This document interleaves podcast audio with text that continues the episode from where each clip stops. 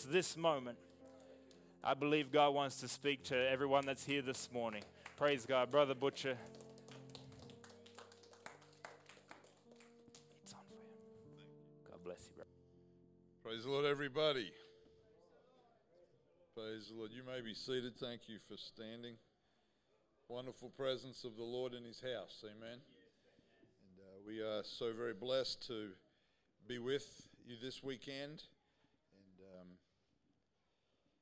always enjoy coming to Alice Springs. I think I first came out to Alice around about 2009, I think, might have been my first trip. And I've been out uh, most years since then. A couple of years I didn't come out, but um, always enjoy to be out here in, in the centre of Australia. It's a very uh, unique and special place. And I want to give honour to uh, Brother and Sister Gratian uh, for the work they're doing here.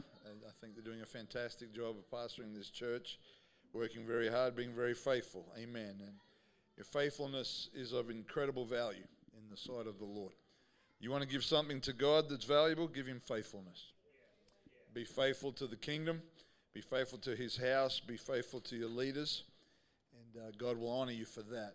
And uh, I don't want to acknowledge everybody that's here.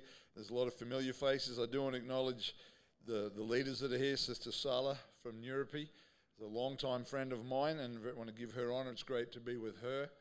And our brother Nakune, our missionary out there in these places that have multiple names Yuelamu, Worry, Worry, Mount Allan, and whatever else we want to call that community this morning. And uh, my good friend, Brother Colin French from Yuendumu as well. We, we honor and recognize the work that they do out there. Amen. You know, this was thinking while we were worshiping this morning, this church is called the Lighthouse Church. And uh, in the southwest corner of Western Australia, where we live, there are at least two lighthouses that I am aware of. Um, one at Cape Naturaliste and one at Cape Leeuwin, which is Cape Leeuwin is right down on the on the corner of WA. It's where it's where the Indian Ocean and the Great Southern Ocean meet. Some people will tell you there's a dotted line and you can see where the oceans meet, but I've never actually been able to see the dotted line. But I've toured both of those lighthouses. And one of the very interesting facts about lighthouses, particularly historically, we all understand a lighthouse is a tall, skinny building with a light up the top, right? Well, every lighthouse has a signature. They have a certain pattern with the light. When it shines out to sea, it might be two short flashes and then a long one, and then a short one and a long one. So every every lighthouse has its own light signature. And way back before we had satellites and navigational systems, when they were still using charts, when they would sail on the ocean, when they would see the signature, when they would recognize too short, too long, one short, they would have the charts laid out before them and they would look for that signature, and that signature identified the lighthouse. That's how they knew which one it was. I mean, you imagine sailing down the coast of Australia, seeing a lighthouse. Which one is it? You know, it's a long coast. But that signature told the navigator on that ship that is exactly that lighthouse, and they knew exactly where they were. Now, I'd be very surprised if there's a lighthouse in Alice Springs. We're a long way from the coast. But this church is a lighthouse, and it has a signature. And that signature is the name of Jesus. So when we preach the name of Jesus, when we are a light in a dark place, we need to be able to take out the chart and find the signature and say, This is exactly where we are. We need to know where we are. Amen. If we don't know where we are, we don't know where we're going. And we need to know where we're going. Amen. Bless the Lord. That's not my message this morning. That's just something I was thinking about while we were worshiping the Lord. If you have your Bibles, we're going to the 90th Psalm. I do have some slides that hopefully will show up behind me. So if you don't have a Bible, I know there are Bibles, I think there's more spare Bibles in this church than any other church I've been to in Australia. There's a lot of Bibles around here. Bibles are great, as long as we read them. Amen. I read, read a story once of a, of a pastor who went to visit a saint for dinner. And uh, when he left, the, sa- the saint put out, you know, all the best silverware and all the fancy things. And when he left, there was a, a silver spoon missing. And the, the lady of the house was very upset that a pastor, a man of God, would steal a silver spoon. And uh, so finally, after struggling with her attitude for a while, she went and she spoke to him. And she said, I, I have to get this off my chest. I, I'm really upset that you would steal a silver spoon from my home. And he said, I didn't steal it. He said, I put it inside your Bible to see if she actually opened the cover of her Bible. Turns out she hadn't opened the Bible too long, or she would have seen the spoon. Amen. the 90th Psalm is recorded historically as being written by Moses. It's not a psalm of David, but it's a psalm that Moses wrote. And we're only going to read one verse here, but to give you some context, the first two thirds of the psalm are basically made up of two ideas. The first idea is about the Lord, and the, the first part of the psalm declares the majesty of God. It talks about his eternal qualities. It talks about how with the Lord a thousand years is just like a day. It talks about his power. It talks about his wrath and how we need to take those things very seriously. And then the psalm almost changes gears and it begins to talk about man. And it describes us as basically the opposite that unlike God, we are like grass. We spring up briefly and then we're cut down. The psalmist said that all of our sins are exposed before the Lord. There's nothing that's hidden from Him. And it says that we will have approximately 70 years of life. And it says possibly 80 if the Lord blesses us with strength. And some of us know some people that have gone a little bit beyond that. There's a very famous lady in England that passed away a few days ago that went a little bit beyond 80. But then, in response to all of those statements, Moses makes the following request in verse 12. Psalm 90 and 12, he writes, So teach us to number our days, that we may apply our hearts unto wisdom. The request from Moses seems to be that we would have the wisdom to be aware that even though life can seem long, it is actually quite short and it vanishes very quickly. And we have two precious saints in our church in Perth who, in, the rec- in recent months, have both turned 80 years of age. And when I think about being 80, I think that's pretty old. I'm 50 right now, and that's 80 is 30 years away. But then I stop and I think, well, how quickly did the last 30 years go? It seems not long since I was 20, and now I'm 50. And so life goes through. And so Moses, that seems to be one of the things that he's asking the Lord to help us with, but the other is that we should consider what we do with our lives in preparation for eternity as we ready ourselves to stand before an awesome God and give answer for what we've done with the life that He has given us. And so, with the help of the Lord this morning, my message title is simply The Value of an Ordinary Day. The value of an ordinary day. Let's pray. Father, we love you. We're so thankful to be in your house together. We're so thankful for these precious saints that are here, Lord. But more than that, we're thankful for your presence. We're thankful, Lord, that your word tells us that when we gather together, that we have your attention, that your eye is turned toward us, that, Lord, if we will have faith that you will speak to us, you will strengthen us, you'll give us direction, you'll give us what we need in this moment in this hour and in this day. And so we ask you for your anointing, Lord. Your word is alive, it's powerful, Lord. And we just pray that you would speak through your servant, Lord, to your children today that you love so much, we pray. In Jesus' name. Amen. The value of an ordinary day. There are a number of characters in the Bible, men like Isaac, David, Job, who at the end of their lives were described as being old and full of days. Full of days. It's an expression that seems to refer to not just living a long life, but a full life.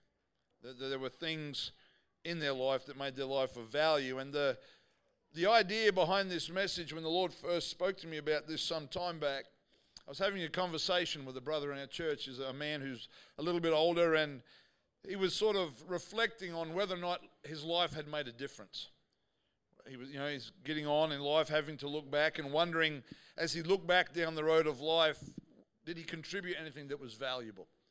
Did he contribute anything that had impact? And I don't think there's anything wrong with that question. Amen. But I, what I do think is important is that what are the measurements that we use to answer that question? When we think about value, when we think about impact, when we think about, you know, if our life had any meaning, how do we measure that? Because there's a lot of different options for how you measure the value of your life. As people, we naturally tend to look for headlines. We look for the sensational, things that are exciting, big bang, pow, you know, amazing occurrences and fantastic achievements. And that, that has never been more overwhelmingly obvious than it is in this present internet and social media generation. It's constantly being updated with live feeds and stories and reels and all the TikToks and all the other things that I'm already too old to understand. It's constantly changing, constantly turning over. There are video clips and stories that last for just a few seconds and then they're replaced. News cycles that turn over at a very rapid rate. And what happens is we have a very short attention span. And so now we tend to watch highlights rather than to watch the whole thing because we're looking for what is coming next. And it's very easy to point at young people and say, like, it's, it's a sign you're getting older when you start saying, oh, young people, that's a, that's a sign you're getting older. But this is not a new thing. This is not a phenomenon that only belongs to this generation. You go back a little way in history to the time when daily newspapers were the fastest communicators of current events. Every day, editors and reporters were looking for the story of the day, the story of the hour. You know, what would be the front page in the morning's paper? Who would get the scoop? Who would, who would release the news first? Uh, I saw a famous photo some years ago. I can't remember what the event was, but it was a it was a political decision that was made in Parliament. I think it may have been in the US. And this photo shows a group of reporters sprinting from the building like they're in the Olympic 100 meters, trying to get back to the office first to release the news first of the, the story that had just come out of the government. And nowadays they just send an SMS or stream it live, but, but that was how it was. You know, who would break the big story? Everybody wants to break the big story of the week, the month, and the year. And but the thing is, you go back as far as the very first century, and you'll see humanity really hasn't changed. In Acts chapter 17 and verse 21, the Apostle Paul comes to a place in Mars Hill. And the scripture says, For all the Athenians and the strangers, or people that came from out of town, which were there, spent their time doing nothing else except to tell or to hear some new thing. They always wanted to see what was new, what was fresh, a new idea, or a new story. So we, as humans, we are always impressed by the latest, the newest, the big events, by signs and wonders, by miracles. And let me be very, very clear we serve a God who does the miraculous. We serve a God who heals, who delivers, who can do anything. Amen. And we should, as the people of God, be familiar with the demonstration of his power. His presence and his power should not be strange to us, it should be a part of our lives. But we should also never ever undervalue the miracle of a soul being born again. Somebody repenting of their sins, being baptized in Jesus' name, and having those sins washed away and being filled with the Holy Ghost. That is the only miracle that will prepare you for heaven. God can heal your body, he can meet your physical needs. He can miraculously provide for you. But the only miracle that will get you to heaven is the miracle of the new birth. So we should never, ever undervalue that. Amen. So when we consider how we measure if our lives made a difference or not, getting back to that idea, we can be easily misled to look for headlines, to look for things that are impressive in the sight of other people. We might think about things like Did I start a church? Did I go on the mission field? Did I give millions of dollars to the kingdom of God? Did, did I see thousands of people healed? Did I impact a multitude of lives? But this morning we're talking about the value of an ordinary day. An ordinary day. Amen. If you got up this morning, which I think we all did at some point, if you got up this morning and you chose to live for Jesus, you chose to reject temptation, you chose to be a godly person, then you are a living miracle this morning. Amen. If you're not bound by sin or addiction anymore, if you're not involved in violence anymore, whatever it was that held you captive in the past, if, if when a previously broken, sinful, hopeless life chooses to take an ordinary day like today and to live in the power of the grace of God and the Spirit of God and to be led by the Word of God, we have to understand the supernatural is on display. You see, we think it's just an ordinary day. But when you got up today and said, I'm going to the house of the Lord, I'm going to worship God. I'm not going to do the things I used to do. I, I, look back and I know where He brought me from and where He's brought me to. It just seems like a normal, ordinary Sunday morning. Amen. Do you ever wake up Sunday morning and not feel like getting up and going to church? I promise you I do. And some Sundays the alarm goes off and I go, I'd really like to just stay home today.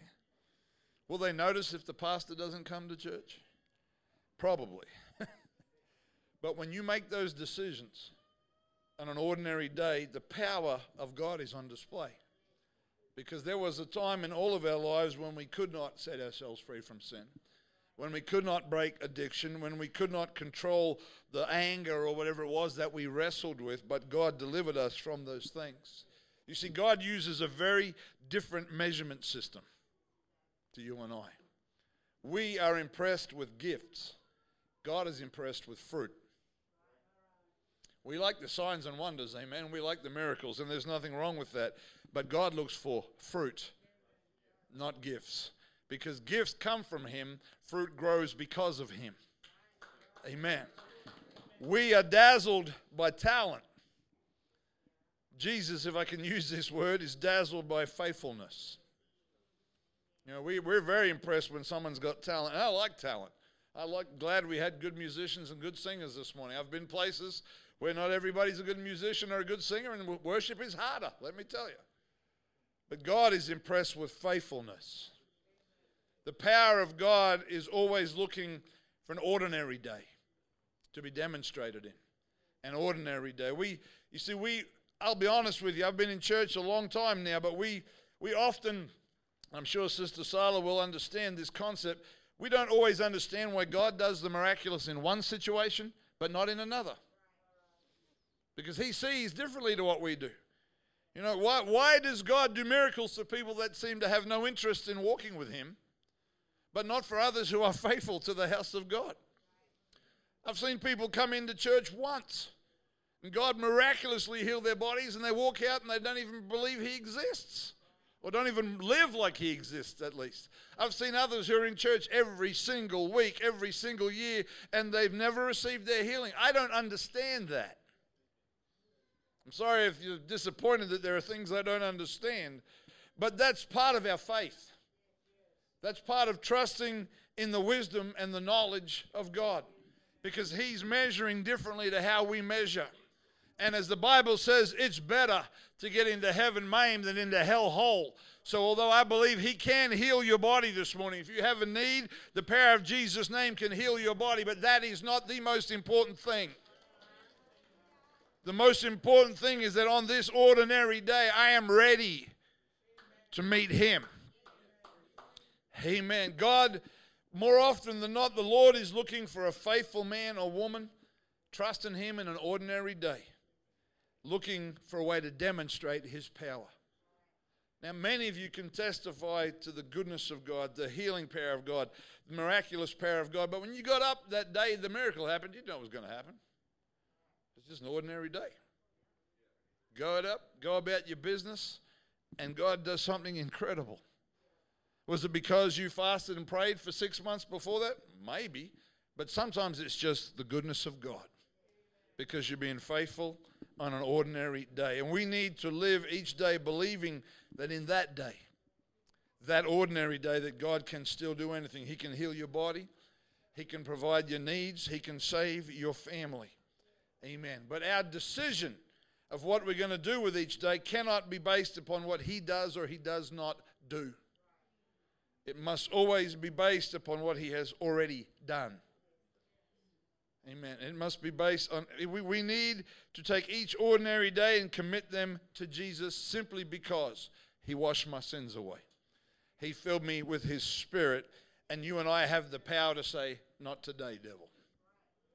We need to remember there was a time when we didn't have that power. There was a couple of ladies that come to our church every once in a while on a Sunday night, and one Sunday night they came into church wearing matching T-shirts that said "Not today, Satan." I was like, "That's interesting." But you know, we have the power of the Holy Ghost, where we can say, "I will not yield to temptation. I will not give in to the enemy. I will not go down that pathway of sin."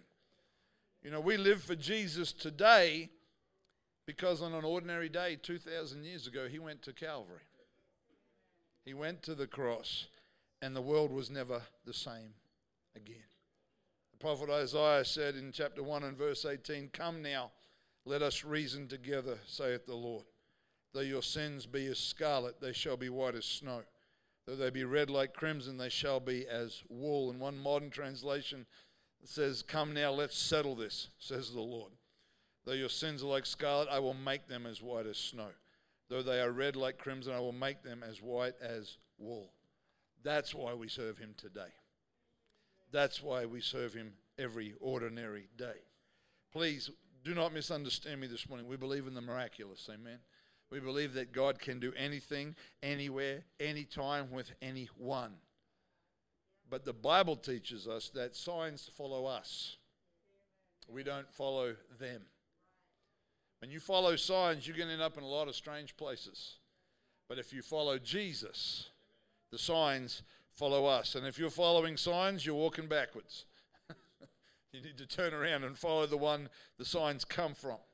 Amen. You see, what happens is when we take one ordinary day, connect it to another ordinary day, and another ordinary day, that's the living definition of faithfulness. And it is in that environment, whether the wind's blowing and the storm's raging, or it's calm, when we remain steadfast, it pleases and it honors God. And when you continue to be faithful, when you continue to live for God on every ordinary day, what happens is you are the environment.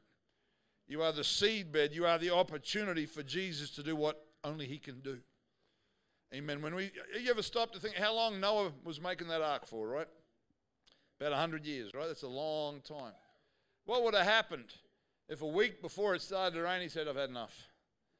Down tools, walk off the job, give up. The rain still would have come. The flood still would have come. Who knows? I mean, I don't know what God would have done because the Bible would have ended in Genesis chapter 6. I don't know what the Lord would have done, but he was faithful. I, I can promise you that Noah didn't get up every day thinking, I'm in the power of God, building this floating zoo. There were many days he thought, Lord, is it worth it? When his neighbors mocked him, when his friends and family, you know, when you, when you read the book of Genesis, I think of, I've, I haven't got it in my notes, but I think Noah's father died about a year or five years, I think it was, five years before the flood.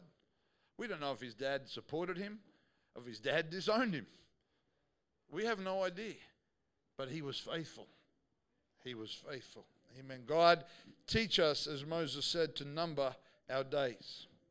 As of this morning, the Lord has granted me 18,537 days. And no, I did not count them. I looked it up on Google. I just put in Google how many days. You know, there's a lot of those days, those 18,500 days, I have absolutely no memory of whatsoever.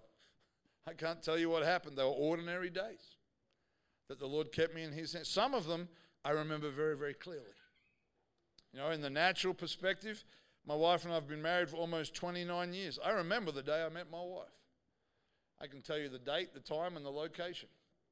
I remember the day I met my wife. I remember the day I spoke to her about possibly having feelings for her. I remember when I proposed. I remember when we got married. I remember when our kids were born. I remember special occasions, holidays, and lots of little memories that are collected along the way. But I do not remember every single day in those 29 years. I know there were a lot of ordinary days. There's a lot of days paying bills. Amen. Any married people paying bills, trying to work out problems. Days possibly where we even irritated each other and wondered why we stuck it out with each other. Nobody else relates to that, I'm sure. But all of those days go together to bring us to this day. There's a lot of ordinary days. From a spiritual point of view, of those, what did I say, 18 and a half thousand days. I remember being filled with the Holy Ghost at 11 years of age, long time ago. I remember the times the Lord's healed my body. I remember the times he's the time he called me to preach. I remember particular services and altar calls where the power of God was there and God spoke to me in such a clear way and gave me direction for my life. But I also have a whole lot of days in there that I don't remember. Amen. We have to realize as saints that the extraordinary days don't happen without the ordinary. The testimony days don't happen without the plain days where we just go through the motions of life. Your faithfulness is what will be your legacy, not your headlines. Your faithfulness is what will be your legacy when you show up week in and week out to everything. Every service, every prayer meeting, every men's, ladies, whatever it is that, that's going on, when you show up, when you bring your family to the house of God, when you teach them the Word of God, when you live the Word of God before them, they're the ordinary days, but they are the days that matter. We read the Word of God. There are great men and women of the Lord that we read about, and we, we read their stories and we think, wow, but you need to step back and realize they had a lot of ordinary days. Moses, who gave us our scripture that we read this morning, the Bible tells us he lived for about 120 years. The first 40 years were in Pharaoh's palace. The second 40 were in the desert following sheep around. And then the, he had an encounter with God at the burning bush. And then the last 40, he spent leading Israel out of Egypt through the wilderness to the promised land. Now, if you've been in church for a little while, there are things about Moses' life you know. When I say Moses, what are the stories that we think of? We think of the, the baby in the bulrushes, yeah? Moses and his little floating boat. They put him out in the river with the crocodiles. We think of the burning bush. We think of the plagues in Egypt. We, we think of the first Passover in Egypt. Remember? They'd all get in their house and put the blood on the door and all that stuff. We, these, are, these are the stories we know. We think about the Ten Commandments. He's up there on the mountain with God. There's fire and smoke and thunder and all this crazy stuff. Everybody's terrified. We think of the tabernacle, that incredible house of God in the wilderness. We think of him stretching forth his rod over the Red Sea and the waters parting and a multitude going through. We think of that same multitude being really thirsty in the desert and complaining. Man, they did a lot of complaining. And Moses speaks to a rock, and water comes out of the rock and gives water to a multitude. And we, we read those stories, we preach those stories, we teach them in Sunday school, we know them, and we think, wow. And we should think, wow, because God is awesome. But if you take the time to study and work out how many days were included in all of Moses' experiences in the Word of God?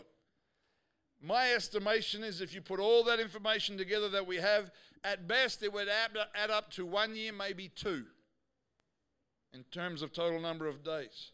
Even if it's two whole years that we have records of things that happened to Moses, that's 730 days out of a total of 43,800 days.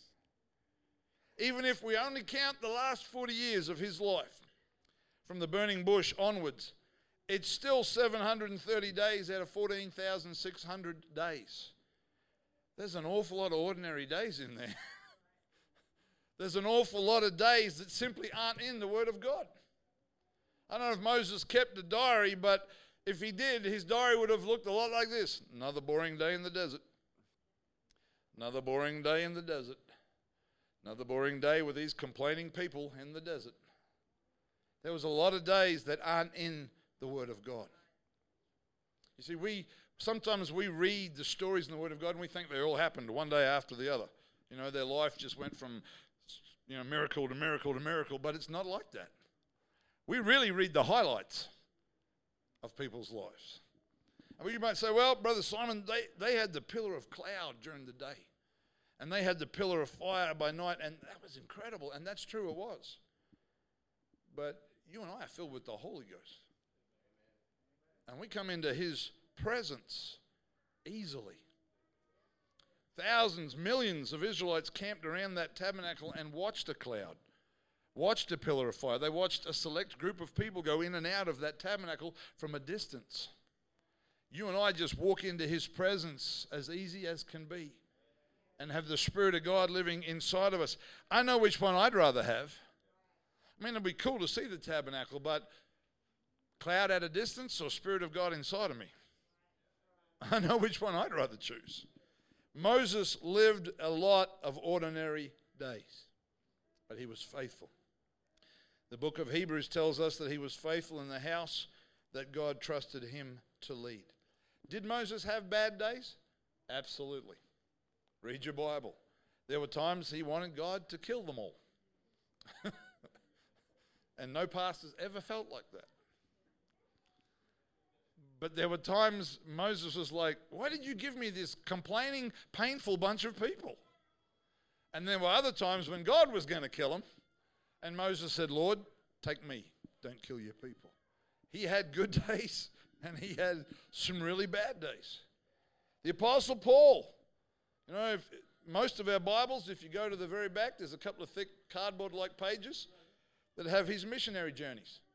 Amen? They show us the maps of Paul's missionary journeys. And we think, wow, that's exciting. But you have to remember those journeys. There's no airports, there's no Qantas Club. There's a lot of days and a lot of miles on foot, by boat. And when we say by boat, it wasn't a P&O cruise liner. Your life was in danger when you got on a boat back then. And from the time of the Apostle Paul's conversion to his death, I estimate, from what I can see, to be around a period of around 30 years. 30 years.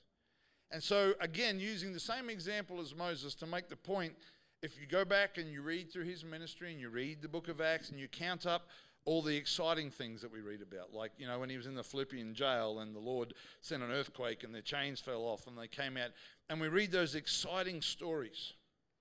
And then you spread those stories out over 30 years you see, you can read the book of Acts in a couple of hours. but that was over a 30 year period. And I mean, he didn't even show up till, what was it, chapter 8, chapter 9, the Apostle Paul shows up? And that is over 30 years. So there's an awful lot of ordinary days. A lot of faithful days. A lot of days when it didn't seem like much was happening. A lot of days when Paul was discouraged. There were days that he wrote about everybody forsaking him. Everybody abandoning him. In 2 Timothy chapter 4 and verse 6, he said, For I am now ready to be offered. The time of my departure is at hand. He said, I've fought a good fight. I've finished my course. I've kept the faith. He said, I was, I'm ready to be offered. As he talked about his life being poured out like an offering.